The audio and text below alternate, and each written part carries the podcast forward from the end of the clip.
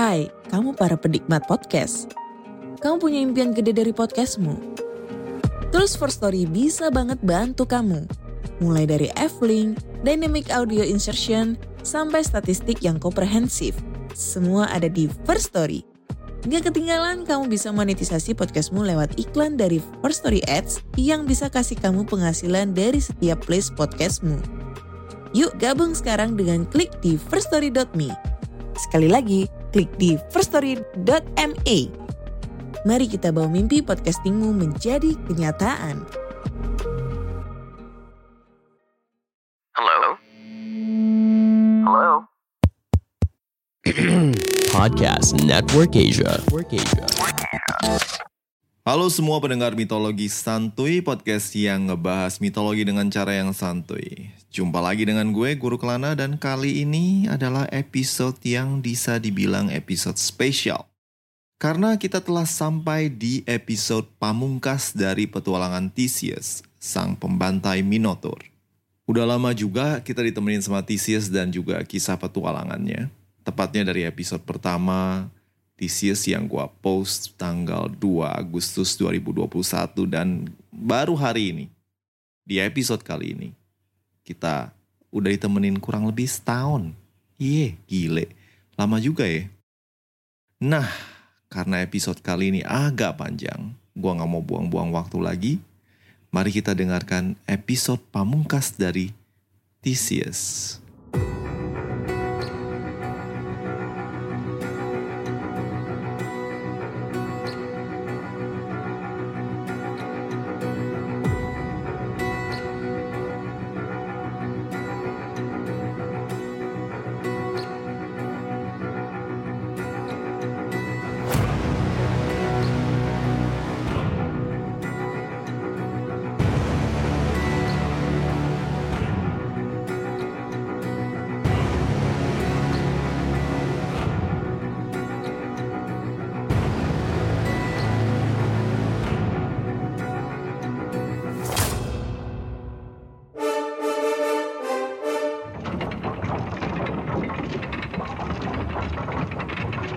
Menesteus dan rombongannya berdiri di depan pintu gerbang kota Athena yang kini telah terbuka. Theseus yang mengenali Menesteus terkejut melihat bagaimana bawahannya kini mengenakan pakaian kebesaran seorang raja. Theseus mungkin sudah tua, namun dia tidak bodoh sampai tidak menyadari apa arti dari perlakuan prajurit dan juga Menesteus. Menesteus? Hah? Kau Kau yang jadi raja sekarang. Theseus. Tahta Athena adalah milik orang yang pantas. Dan kau, di mana engkau ketika Athena kelaparan dan gagal panen? Hah? Di mana engkau ketika suku-suku barbar menjara perbatasan? Hah? Ke mana? Kau sibuk dengan petualangan bodohmu cari istri baru. Anakmu aja tewas gara-gara kamu sendiri. Theseus terdiam. Kata-kata Menesteus yang tajam menohok langsung ke batin Theseus yang memang sudah rapuh. Jika Menesteus bertindak lancang seperti ini kala Theseus masih muda dan gagah, tentu saja mungkin dia sudah ditombak atau ditusuk dengan pedangnya. Namun kali ini Theseus hanya terdiam, diam, dan kalah. Theseus tak lagi memiliki kekuatan atau keberanian. Namun yang terutama adalah apa pun yang hendak diperjuangkannya telah hilang. Dalam perjalanannya menuju Athena, Theseus mendengar kabar tentang ibunya Aetra. Aetra telah ditangkap oleh Castor dan Pollux. Hal ini menambah rasa bersalah dan membuat Theseus benar-benar kena mental. Kenapa Theseus? Ngapain lu ke sini? Ngomong. Gue banyak urusan, gak seperti lu yang kerjanya cuma jalan-jalan dan nyari nama. Aetra, ibuku. Dia ditangkap oleh pasukan Sparta. Sudikah engkau meminjamkan pasukan untuk membebaskannya? Biarlah, aku tidak peduli lagi soal tahta Athena. Biarlah itu menjadi milikmu, tapi aku harus menyelamatkan ibuku. pasukan. Kau kira bagaimana kita di Athena ini bisa hidup sampai sekarang, ha? Karena kemurahan Sparta. Yang mulia Castor dan Pollux yang mengampuni kita. Masa kita ngirim pasukan untuk nyerang Sparta? Ngaur kau Theseus. Kata-kata Menesteus membuat amarah Theseus bangkit. Matanya yang tadinya kosong terbakar dengan amarah. Banyak prajurit yang mengenal Theseus dari dulu pun tersinggung dengan kata-kata Menesteus yang merendahkan harkat rakyat Athena. Menesteus menyadari bahwa dirinya telah salah berkata dan berusaha untuk menenangkan suasana. Oke, okay, oke, okay. chill, chill, calm down. Oke okay, Theseus, pasukan kami nggak punya. Semua prajurit sedang bekerja membangun kembali kota Athena. Tapi sebagai penghargaan akan jasa-jasa lu dan juga ayah lu, gua akan berikan satu kapal. Ya, satu kapal. Itu yang bisa kita kasih. Pergilah ke kereta. Mungkin keluarga istrimu yang dulu bisa meminjamkan pasukan. Maaf Theseus, maaf. Seandainya kami bisa bantu banyak. Kata-kata Menesteus yang terdengar manis dan memberikan bantuan kepada Theseus berhasil menenangkan suasana. Ya, Menesteus mungkin bukan raja yang gagah dan pemberani, tapi dia pandai bicara dan politisi yang handal. Theseus sadar kalau dirinya tak sanggup menawar dan tidak ada pilihan lain selain menerima kemurahan hati Menesteus. Theseus berharap keluarga kerajaan kereta yang cukup dekat dengannya mau meminjamkan pasukan untuk menyelamatkan ibunya Aetra. Di usianya yang tua sekarang, Theseus bisa dibilang naif. Theseus masih memegang harapan bahwa ada pihak yang masih mau menolongnya. Theseus lupa kalau dirinya telah membuat begitu banyak ulah hingga tidak ada seorang pun yang mau berurusan dengannya sekarang. Orang-orang Athena merasa Theseus telah menelantarkan mereka. Hingga sekarang mereka lebih nyaman berada di bawah kekuasaan Menesteus yang sebenarnya adalah raja boneka yang dikendalikan oleh Sparta. Orang-orang Kreta yang sedari dulu sudah menganggap Theseus sebagai biang keladi menurunnya kuasa mereka – semakin tidak menyukai Theseus karena kasus skandal Phaedra. Usul Menesteus agar Theseus pergi ke Kreta sebenarnya cuma akal-akalannya saja untuk membuang Theseus ke sana dan mengakhiri hidupnya tanpa membuat tangannya bernoda dengan darah. Mengingat di Athena, tidak sedikit yang masih berharap Theseus menjadi raja. Dan pergilah Theseus ke pelabuhan Piraeus, tempat kapal yang dipersiapkan oleh Menesteus telah menunggunya. Suasana pelabuhan sepi. Para nelayan tak terlihat sibuk. Hanya ada beberapa kapal yang tengah bersiap berlabuh di lautan Aegea. Pasar dan kios-kios pelabuhan yang biasanya ramai kini terlihat sepi dengan banyak bekas bangunan terbakar yang menyisakan abu dan Aram. Serangan bangsa Sparta ke Athena memang sungguh menyusahkan para penduduk yang kini banyak kehilangan mata pencaharian dan juga tempat tinggal. Melihat semua kehancuran ini, Theseus hanya bisa menangis. Air mata berlinang di sudut matanya. Dirinya terkenang akan kejayaan Piraeus saat dirinya berangkat dari pelabuhan ini menuju kereta sebagai persembahan untuk Minotaur yang ganas itu. Dulu, rombongan penduduk dan pendeta kuil Athena mengantarkannya. Persembahan diberikan untuk Poseidon demi keselamatannya. Namun kini, hanya angin laut dan teriakan burung camar yang mengantarkan kepergiannya dari Piraeus. Kapal Theseus melaju ditiup oleh angin yang membentangkan layar kapal. Theseus menoleh ke belakang seolah tak rela berpisah dengan ibu kota yang telah lama menjadi tempat tinggalnya. Patung Athena di puncak Akropolis masih berdiri kokoh di tengah reruntuhan kuil di sekitarnya. Tampaknya bangsa Sparta enggan menodai kesucian Athena dan mendatangkan petaka untuk mereka. Perasaan haru dan sunyi mengisi relung hati Theseus. Seolah ini adalah terakhir kalinya sang penakluk Minotaur melihat Athena. Kapal Theseus melaju dengan cepat, didorong oleh tiupan angin timur. Namun tampaknya hanya sampai di sini cuaca memihak Theseus. Segumpal awan tebal terlihat di kaki langit. Terlihat jelas bahwa badai akan segera tiba. Pengalaman berbicara lebih baik ketimbang fakta. Theseus meminta kapten kapal untuk mencari tempat berlabuh sebelum badai tiba dan menghancurkan kapal. Akhirnya kapal Theseus pun merapat di pulau Skiros, pulau terdekat dari posisinya sekarang. Skiros adalah pulau kecil yang diperintah oleh seorang raja yang bernama Lycomedes. Theseus di masanya sebagai raja merupakan overlord atau bisa dibilang bos dari Skiros. Lycomedes biasa mengirimkan upeti untuk Theseus, dan Theseus pun memiliki banyak harta dan tanah di pulau ini. Theseus berpikir dirinya bisa berlindung sebentar di pulau ini sambil menunggu badai berlalu.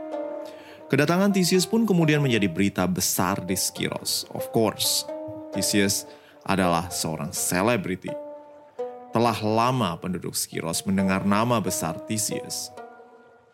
Putra Poseidon, penakluk Minotaur, pembasmi bandit dan monster Raja Agung Athena yang ternama. Jelas informasi di zaman itu nggak seviral zaman sekarang hingga kisah skandal Fedra dan bagaimana Theseus menelantarkan Athena untuk mencari misi, you know, misi pencarian bini dan petualangan bersama Piritosnya ini belum kedengeran oleh para penduduk Skiros. Penduduk Skiros menyambut Theseus dengan meriah. Pesta pora diadakan untuk Theseus. Jalanan diberi spanduk bergambar Theseus yang lagi meeting Minotaur. Theseus yang lagi mukul sentor sampai babak belur dan juga berbagai gambar kepahlawanannya di masa muda. Para perempuan kota melirik Theseus yang walaupun sudah tua masih ganteng kayak Tom Cruise. Sejenak, Theseus mulai mendapatkan kembali semangat hidupnya.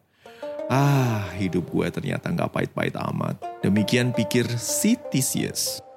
Tapi segala perlakuan penduduk Skiros menimbulkan rasa iri Raja Lycomedes yang merasa gerah karena adanya Theseus. Lycomedes ini bukanlah raja yang populer di Skiros. Dirinya menjadi raja hanya karena kebetulan kakaknya yang putra mahkota meninggal karena kecelakaan berburu. Dirinya juga tidak punya keberanian atau darah dewata seperti Theseus. Semasa pemerintahannya, Skiros selalu berada di bawah bayang-bayang Athena dan ketika Theseus digulingkan oleh Menesteus yang kebetulan adalah temannya sendiri, Lycomedes pun kemudian jingkrak-jingkrak kesenangan. Mendengar sang seleb slash pahlawan kenamaan kini berada di pulaunya, Lycomedes pun kemudian galau. Gimana kalau Theseus kemudian menggulingkan dirinya demi menguasai Skiros? Theseus ini populer, bisa aja dia didukung rakyat untuk menjadi Raja Skiros. Lagian dia kan sekarang gak punya wilayah kekuasaan, ya kan? Mesti gimana ya? Hmm, demikian pikir dari sang Raja Lycomedes. Lycomedes merenung. Dirinya memikirkan cara untuk menjaga kekuasaannya tapi tetap mempertahankan martabatnya di depan penduduk Skiros. Dan bagai dapat bisikan setan, Lycomedes pun kemudian tersenyum licik Sang raja yang jiwanya kerdil ini pun mendapatkan ide untuk menyingkirkan Theseus. Lycomedes mengundang Theseus untuk makan malam di Kochilas, puncak tertinggi dari Pulau Skiros yang biasanya merupakan tempat para bangsawan menikmati pemandangan sambil minum-minum. Theseus yang tidak menaruh curiga menyambut undangan Lycomedes dengan penuh semangat. Theseus yang menikmati kehangatan sambutan penduduk Skiros kini diundang oleh rajanya. Tentu saja dia akan datang. Hanya saja, Theseus diminta untuk datang sendirian tanpa kru kapalnya. Untuk orang normal, mungkin ini biasa saja, tapi buat orang dengan reputasi seperti Theseus pergi ke undangan seorang raja tanpa pengawalan? Hmm, ada yang aneh di sini. Tapi Theseus percaya, Lycomedes akan menghormati kewajiban Xenia yang sakral dan tak mungkin akan merencanakan hal yang buruk. Sungguh, Sungguh naif kau Theseus. Theseus sampai di puncak Kochilas dan menemui Lycomedes yang telah lama menunggunya dengan berbagai hidangan. Lycomedes menyambut Theseus sebagai menyambut teman lama. Sang Raja Skiros memeluk Theseus dan juga mempersilahkannya makan dan minum sepuasnya. Theseus menceritakan tentang petualangannya dan juga kisah malangnya. Lycomedes mendengarkan dengan seksama sambil sesekali menunjukkan simpatinya terhadap kemalangan Theseus. Si, Lycomedes baik kan? Gak perlu ditakutin kan? Ya, yeah, maybe. Setelah makan malam, Lycomedes mengajak Theseus ke pinggir tebing dengan dalih menunjukkannya pemandangan malam terbaik di Skiros. Tanpa menaruh curiga dan mungkin agak mabok karena minum kebanyakan, Theseus pun kemudian mengikuti Lycomedes ke pinggir tebing. Pemandangan malam dari puncak Kocilas memang indah dengan tabir malam yang diterangi oleh bintang-bintang dan juga galaksi Bima Sakti yang konon merupakan ceceran susu Hera Permukaan laut yang tenang bersinar keperakan. Dan tentu saja, suasana ini sangat indah. Namun, Lycomedes ternyata menyembunyikan niat jahat di belakang semua keramahan dan juga suasana yang indah ini. Tangan Lycomedes merangkul pundak Theseus bagaikan teman lama yang sedang ngobrol ringan. Theseus belum menyadari niat jahat Lycomedes. Pikirnya, ini hanyalah gestur hangat dari sahabat yang tengah kongko bareng. Begitu Lycomedes menjalankan niatnya, segalanya sudah terlambat untuk Theseus. Lycomedes dengan sekuat tenaga mendorong Theseus. Theseus yang sudah mabuk dan renta terkejut, namun tak sanggup untuk menghentikan dorongan Lycomedes. Theseus terjatuh dari tebing, namun dirinya yang masih memiliki refleks pejuang berhasil memegang pinggiran tebing dengan satu tangan. Kau, bah, beraninya kau. Theseus menatap Lycomedes dengan tatapan penuh amarah. Lycomedes yang pengecut tahu kalau ini adalah saatnya untuk mengakhiri nyawa Theseus. Dengan sekuat tenaga, Lycomedes menginjak-injak tangan Theseus. Namun Theseus tetap bersikeras. Melihat Theseus hendak mengulurkan tangannya yang satu lagi, Lycomedes kemudian mengambil pedangnya dan memukul tangan Theseus dengan gagangnya. Kali ini, Lycomedes berhasil. Theseus terlepas dari pegangannya dan terjatuh melayang bebas ke dasar dari puncak Kocilas. Banyak orang yang bilang, menjelang ajal, bayangan peristiwa masa lalu akan terbersit bagai flashback di film-film Theseus melihat dirinya yang ketika masih kecil bersama kakeknya. Melihat ibunya yang selalu termenung dan memintanya untuk menjadi lebih kuat. Wajah Ariadne yang cantik serta kejayaannya di berbagai medan perang menaklukkan monster dan juga penjahat. Hippolytus, ya anak itu anak itu gugur di pangkuan Theseus. Semua bayangan masa lalu terbayang dan akhirnya berhenti. Theseus tewas dalam penyesalan, gagal sebagai anak yang berbakti. Niat mulianya menyelamatkan sang ibu gagal terhalang suratan takdir. Theseus, sang penakluk Minotaur, telah berpindah ke alam maut untuk selamanya. Keesokan harinya, jenazah Theseus ditemukan oleh para prajurit Skiros yang diperintahkan oleh Lycomedes. Lycomedes yang munafik menyatakan duka cita dan menguburkan Theseus dengan penuh penghormatan. Masa perkabungan selama seminggu pun diadakan untuk menenangkan kalayak yang kehilangan tokoh pujaan mereka. Demikianlah akhir dari Theseus, sang pahlawan Athena yang tewas terjatuh dari tebing. I know akhir dari cerita Theseus ini sepertinya sangat tak pantas dengan segala reputasinya sejak muda. Well, tragedy is tragedy. Kalian mungkin tahu kalau gue tuh nggak gitu suka dengan happy ending. Dan kali ini Gua nggak bermaksud demikian.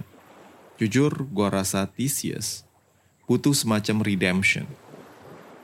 Nah, Theseus memang setelah tewas. Namun apakah ini akhir dari segalanya? Peristiwa-peristiwa yang gue ceritain selanjutnya ini terjadi pasca kematian Theseus. Dan karena banyak versi yang berbeda, gue akan ambil versi yang lebih populer dan mungkin plotnya agak berbeda dengan cerita yang udah gue sampein selanjutnya, terutama tentang keturunan Theseus. Menurut sumber lain, Theseus memiliki dua anak dari Phaedra, yaitu Demophon dan Akamas, yang masih bayi ketika Phaedra jatuh cinta pada Hippolytus. Pada saat Theseus kembali ke alam baka, Theseus mengirim kedua anaknya ke Euboea, sementara dirinya hendak berlayar ke kereta. Demophon dan Akamas dirawat oleh saudara jauh Theseus dan di kemudian hari mereka berdua akan berperang dalam perang Troya. Kedua putra Theseus ini akan menjadi delegasi Yunani untuk meminta Helen dikembalikan ke Sparta Misi ini terjadi sebelum Perang Troya dimulai. Ketika mereka tinggal di Troya sambil berunding soal pengembalian Helen, mereka bertemu dengan Aetra yang ternyata telah mengikuti Helen ke Troya sebagai budak. Nenek dan cucu ini bertemu dengan penuh keharuan dan keduanya berjanji suatu saat akan membebaskan Aetra dari Troya. Sesuatu yang gagal dipenuhi oleh ayah mereka. Tak hanya bertemu dengan neneknya, Akamas jatuh cinta pada salah seorang putri Priam yang bernama Laudike. Hal-hal inilah yang membuat keterlibatan Demofon dan Akamas dengan Perang Troya semakin dalam. Sementara itu dalam Perang Troya, Athena di bawah pemerintahan Menesteus ikut serta dalam aliansi bangsa-bangsa Yunani memerangi Troya. Namun reputasi Menesteus tidaklah cemerlang. Walau dikatakan beliau pandai mengatur pasukan dalam perang Troya, Menesteus lebih sering menahan diri dan tidak mengerahkan pasukannya. Dikatakan juga kalau meriau ketakutan ketika pihak Troya di bawah pimpinan dari Sarpedon menyerang pasukannya dan meminta bantuan pahlawan-pahlawan lain untuk menyelamatkannya. Tapi Menesteus juga dikatakan ikut serta dalam misi kuda kayu Troya bersama dengan Odysseus dan ironisnya kedua putra Theseus Spoiler alert, misi kuda kayu dari Troya berhasil. Demofon dan Akamas berhasil membebaskan Aetra dan membawanya pulang, beserta dengan Laudike, kekasih dari Akamas. Sementara itu, Menesteus usai perang Troya pergi ke Pulau Melos dan menjadi raja di sana. Di sini sumber tidak memberikan keterangan jelas kenapa dia tidak pulang ke Athena dan masih melanjutkan kekuasaannya di sana. Yang jelas, Usai kematian dari Menesteus, Demofon, putra Theseus pergi ke Athena dan menjadi raja selanjutnya, melanjutkan garis kekuasaan ayahnya yang terputus oleh kekuasaan dari Menesteus. Udah, gitu doang. Oh kagak, Bergenerasi bergenerasi sesudah terah Theseus tak lagi berkuasa, Yunani menghadapi musuh baru, Kali ini bukan dari sesama bangsa Yunani atau monster, tapi tentara Persia yang hendak meluluh lantahkan peradaban Yunani. Pasukan Persia yang jumlahnya lebih besar menghadapi perlawanan pasukan Athena dan sekutunya di Maraton. Di pertempuran yang kelak dikenal sebagai pertempuran Maraton ini, pasukan Yunani menang telak. Konon, para pasukan hoplite Yunani melihat sosok Theseus di medan pertempuran dan memberikan semangat kepada pasukan Athena untuk berkempur dengan ganas. Usai pertempuran maraton, Jenderal Kimon mendapatkan instruksi dari Oracle Delphi untuk membawa kembali jenazah Theseus yang berada di Skiros. Tentu saja untuk melakukan ini pasukan Kimon harus menyerbu pulau Skiros yang merupakan musuh dari Athena. Kimon adalah jenderal yang handal dan pasukan hoplite Athena adalah yang terbaik di masanya. Skiros takluk dengan mudah, namun keberadaan kubur Theseus telah hilang dalam catatan sejarah. Di saat inilah seekor elang terbang menukik ke arah permukaan tanah dan mulai menggali tanah dengan paruhnya. Kimon melihat ini sebagai pertanda dewata dan mulai menggali lokasi tempat burung elang tersebut diam. Mereka kemudian menemukan peti dengan jenazah seorang pria lengkap dengan tombak perunggu dan juga pedang. Jenazah Theseus telah ditemukan. Kimon kemudian membawa jenazah Theseus ke Athena, di mana rakyat kota Athena bergembira menyambut raja legendaris mereka. Kimon membangun makam yang megah untuk Theseus di dekat Agora. tempat di mana dia sering duduk mendengarkan keluhan para rakyatnya. Demikianlah akhir kisah dari Theseus. Gue tahu episode kali ini panjang banget, tapi ini episode pamungkas untuk Theseus dan gue memutuskan untuk bikin akhir yang lebih baik untuk pahlawan Yunani yang selama setahun udah nemenin kita. Habis ini, siapa lagi? Hmm, siapa ya? Well, lihat aja deh ntar. Sebelum bubaran, gue pengen ngucapin terima kasih untuk teman-teman semua yang udah ngedukung podcast ini. Dan buat kalian yang kepengen dukung podcast Mitologi Santuy, silahkan mampir ke laman traktir Mitologi Santuy yang tersedia di deskripsi episode. Udah dulu ya, see you again next week. Bye.